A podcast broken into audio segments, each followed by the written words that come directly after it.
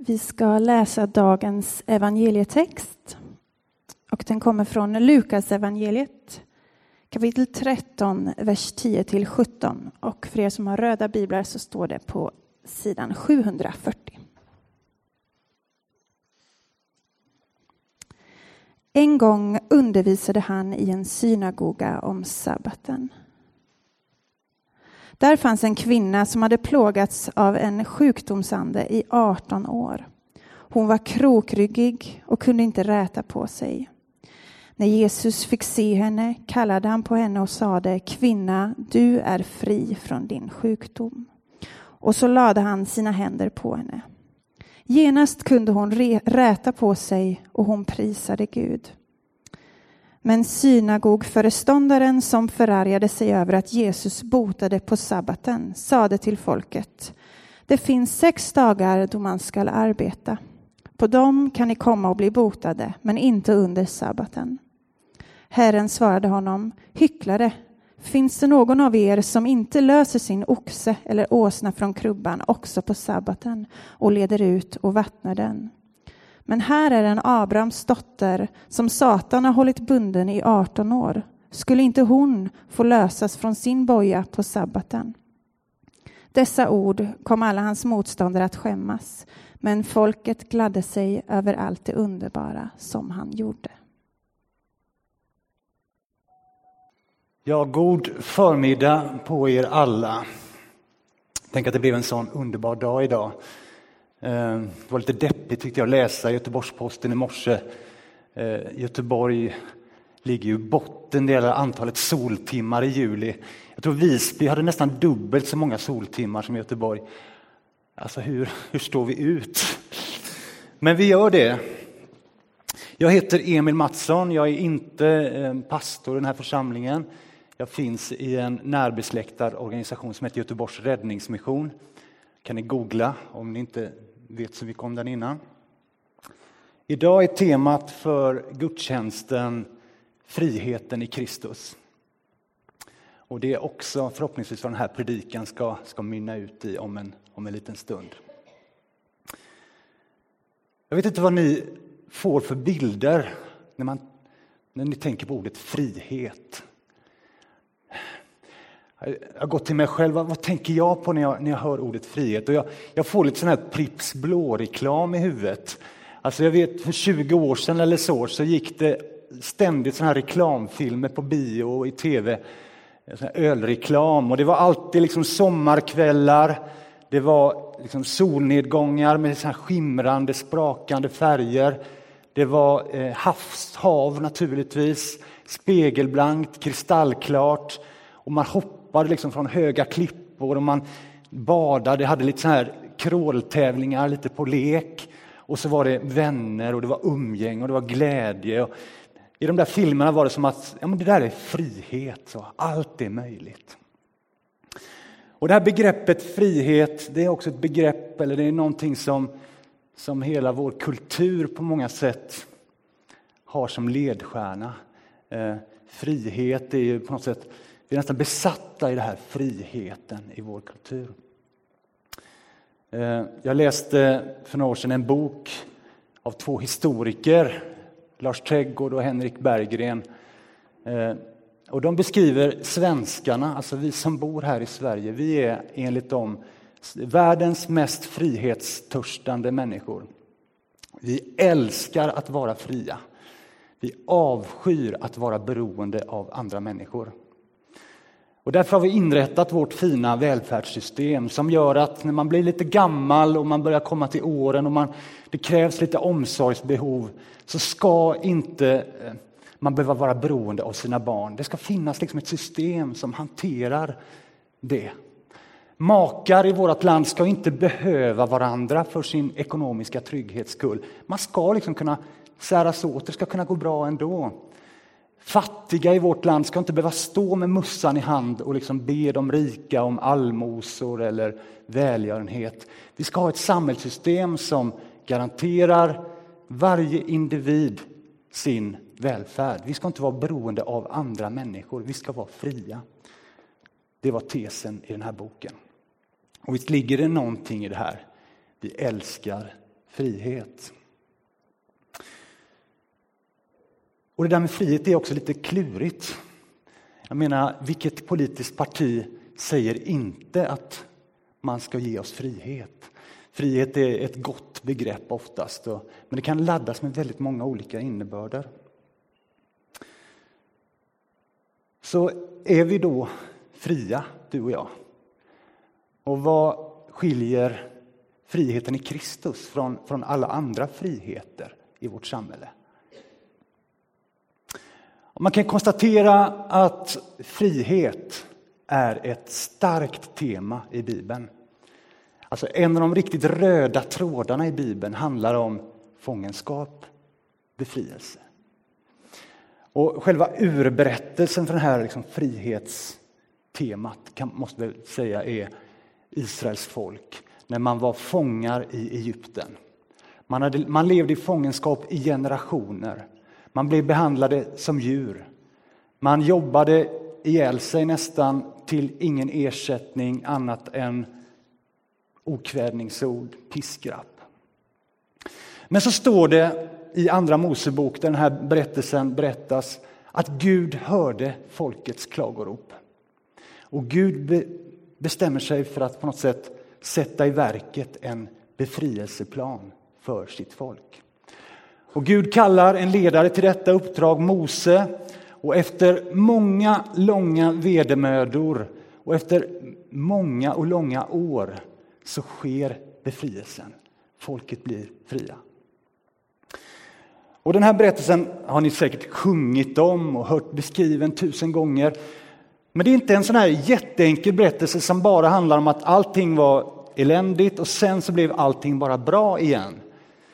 För det visar sig att när folket väl är på väg att bli befriade så är det många som inte alls ville den befrielsen. Man hade nog inte räknat med att befrielsen har ett pris. Befrielsen kostar någonting. Och man börjar längta tillbaka till fångenskapen i Egypten. Där var man ju i alla fall, där var i alla fall ganska eh, där visste man hur livet skulle te sig. Men friheten, där, där kanske det var mer oförutsägbart, den var lite svårare att hantera. Och det här tycker jag säger någonting om oss människor, att även om Gud vill befria oss så är det inte alltid så himla säkert att vi själva vill bli befriade. För friheten har ett pris. Man kan tvinga, tvinga sig att lämna någonting som man har kärt. Och så har vi den här berättelsen som Jennifer läste, som ju också är en helt fantastisk frihetsberättelse. Här har vi den här kvinnan som har gått och varit sjuk i 18 års tid. Hon har varit svårt plågad och hon har liksom gått så här krokryggig. Och man kan liksom känna med henne hur det är. Hur är det att gå så här i 18 år man ser liksom bara sig själv, sina egna tillkortakommanden. Man ser inte liksom framåt eller uppåt eller andra människor. Och så kommer Jesus in i bilden och så lägger han sina händer på henne och helar den här kvinnan. Hon blir fri från detta efter 18 långa år. Och hon reser sig upp och börjar prisa Gud och det är en helt fantastisk berättelse. Från att ha varit liksom bunden och fången till att plötsligt bli fri. Men även i denna berättelsen så, har vi, så det liksom, finns det lite nyanser. Allt är inte det här, först var allting eländigt och sen blir allt halleluja. För här har vi en synagogeföreståndare. Och den här synagogeföreståndaren, han blir inte alls glad trots att den här kvinnan efter 18 år har blivit av med sin sjukdom. Nej, för Jesus kommer in och på något sätt äventyrar ordningen i hans synagoga. Så att han börjar tänka så här, ja, men det här gick inte rätt till. Jesus har ju helat henne på en sabbatsdag. Och det här är ju sjunde dagen i veckan, då ska man inte arbeta. Och att hela någon, ja, jo men det kan man nog räkna som arbete. Alltså, Jesus har gjort, gjort sig skyldig till en stor överträdelse här när han helade den här kvinnan. Och det står att Jesus blev vred. Och jag skulle önska att jag kunde varit med den där dagen, för jag kan tänka mig att vred var nog bara förnamnet. Jesus blev förbannad på den här synagogeföreståndaren. Här har han sett den här kvinnan och folket har sett den här kvinnan i 18 långa år, gått så här, krokryggad, svårt plågad. Och så blir hon äntligen befriad från det här. Äntligen får hon se framåt och uppåt och andra människor. Och så kommer den här föreståndaren och säger du, du, du, du, du, du, du. Vänta nu Jesus, det här gick väl inte riktigt rätt till. Kom ihåg att det är sabbat idag, du får inte arbeta idag. Eh, du bör nog läsa regelboken för hur ett mirakel ska ske. Någon annan dag, men inte idag. Och varför blir Jesus så, så vred? Jag tror att det handlar om att ytterst sett att Gud, för Gud så finns det ingenting som är värre. Jag tror det. Ingenting är värre för Gud än när människor försöker ställa sig i vägen för andra människors befrielse. Jag säger det en gång till, för jag tror att det här är så här. Det finns ingenting som gör Gud så vred som när människor ställer sig i vägen för andra människors befrielse.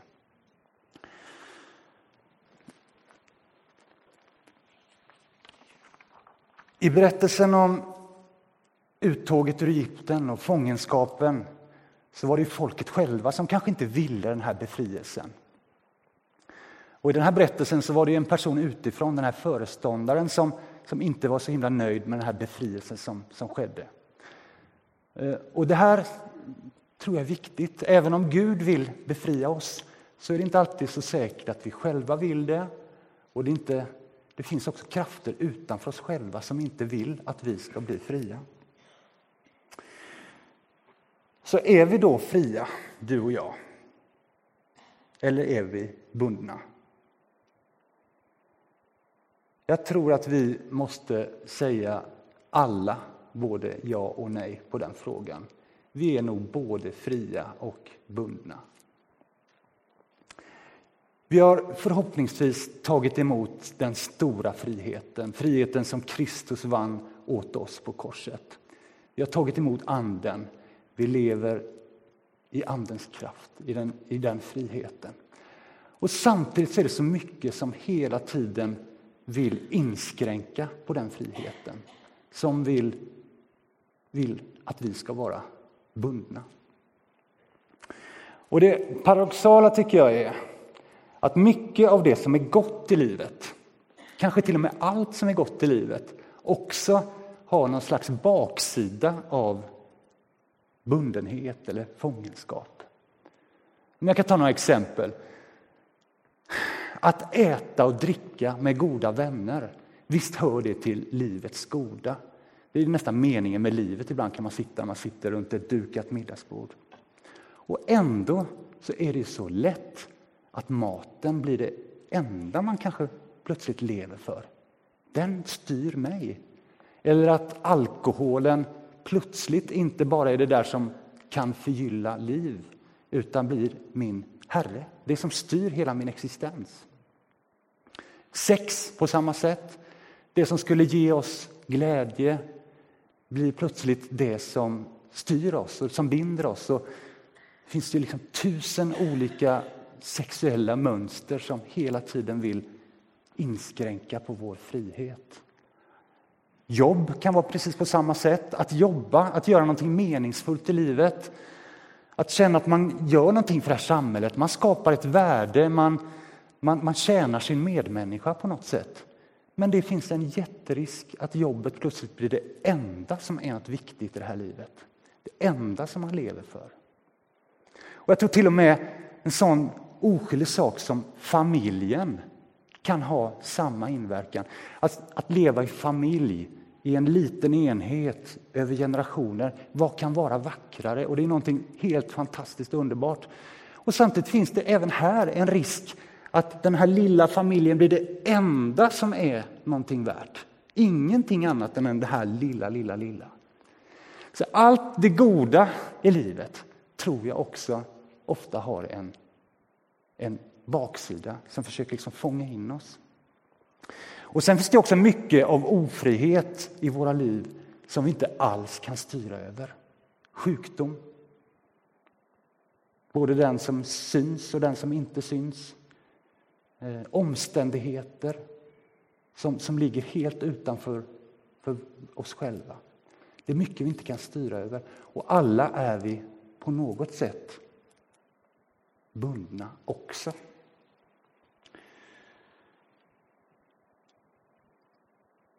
Så vad är det då jag säger? Jo, men detta enkla, att Gud vill frihet. Det är en av de starkaste berättelserna i vår tro. Och vi behöver bli befriade. Och som en liten avslutning i den här predikan så tänkte jag bara be med er i tre små fraser. Och den första lilla bönefrasen skulle kunna vara Herre, ge mig en längtan efter frihet.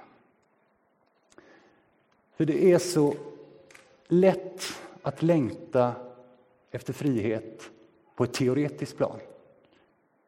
Men när man väl börjar fundera över vad den här friheten skulle kunna få för konsekvenser, vad jag kanske behöver lämna för att nå den här friheten, ja men då, då är jag inte så säker på att jag vill bli fri. Så Gud, ge mig en blick för min ofrihet och ge mig en längtan efter att bli fri. En andra bönestrof skulle kunna vara Gud, jag ber att den friheten vi har läst om idag, att den friheten skulle genomsyra den här församlingen, men inte bara oss, utan kyrkan i Göteborg och kanske kyrkan i hela världen. Gud vill inget annat hellre än att göra det som Jesus gjorde, räta ryggar, ge oss befrielse. Och Kristus har ingen annan kropp på jorden idag än sin kyrka, än dig och mig.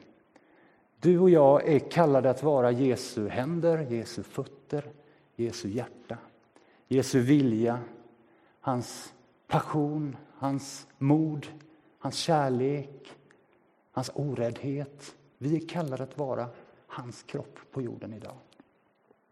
Och det här gäller oss i Saron. Vi är kallade att vara liksom hans ett sammanhang där den här befrielsen ständigt flödar till oss själva och till världen.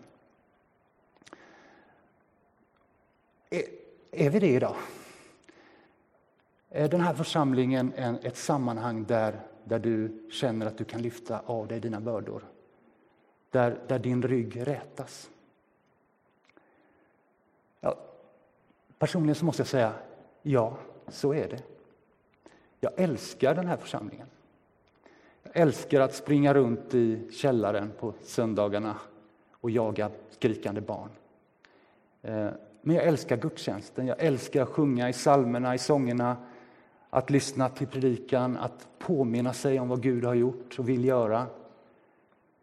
Att dela Kristi kropp och blod, att få del av Kristus.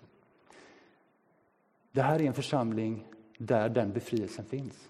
Jag tänker mycket av det vi gör i den här församlingen, visst handlar det om den här friheten. När vi möter nyanlända på flyktinganläggningen Sagåsen. När förbönsteamet varje söndag efter, i samband med gudstjänsten ber och, och tar bort bördor från oss. När själavårdsteamet på, på veckorna möter människor med behov. Visst handlar det om den här friheten. Och till och med när vi tar upp kollekt, visst handlar det också om att befria oss. Och vår bön den här söndagen tänker jag är att låt, låt detta ske i ännu högre grad. Lär oss förstå hur mycket av detta som finns på Guds hjärta. Och lär oss också förstå att detta kräver någonting av mig. Eh, vill jag vara en del i detta, att försöka vara med och befria andra människor genom den här församlingen?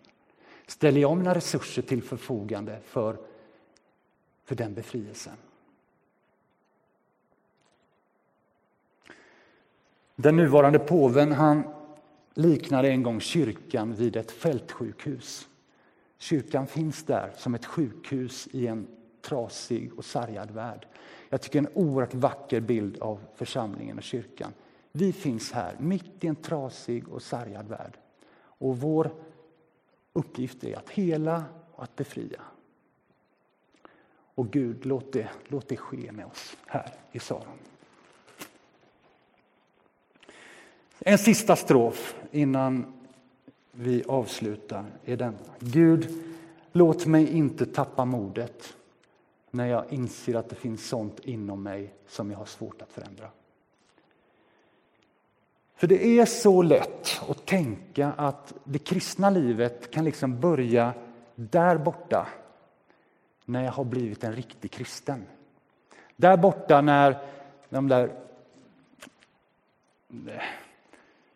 Eh, den där sjukdomen jag har, när den är liksom borta. Eller när de där beroendena som jag tampas med, när jag äntligen har fått bukt med dem. Eller när de där negativa relationerna som jag är inne med, när de äntligen har blivit liksom uppklarade. Då ska jag börja leva som kristen. Då kan nog Gud börja verka i mig. Jag tror att det här är en lögn, en villfarelse. Gud vill verka genom dig och i dig idag. Tro aldrig att Gud inte kan använda dig bara för att du inte är fullkomlig. Gud vill använda dig idag. Och Gud vill använda dig med all din historia och din bakgrund, med all din trasighet, med all din brokighet och all din brustenhet. Men också med allt det fantastiska och vackra som är du. Gud vill använda just dig, just här, just nu. Tänk aldrig att det är där borta som det någon gång ska börja. Det börjar här. Du kanske aldrig kommer bli så mycket heligare än vad du är idag. Men strunt i det. Börja lev med Gud idag. Han vill möta dig, han vill leva med dig, han vill, han vill vara med dig. Han vill börja arbeta med dig. Till slut, låt oss bara tacka Gud. Tack Gud att du kommer med ett glädjebud. Ett glädjebud till oss som är fattiga. Att du kommer med befrielse för oss som är fångna. Att du kommer med syn till oss som är blinda. Frihet för oss som är förtryckta. Och att du förkunnar ett nådens år från Herren. Din är äran i evighet. Amen.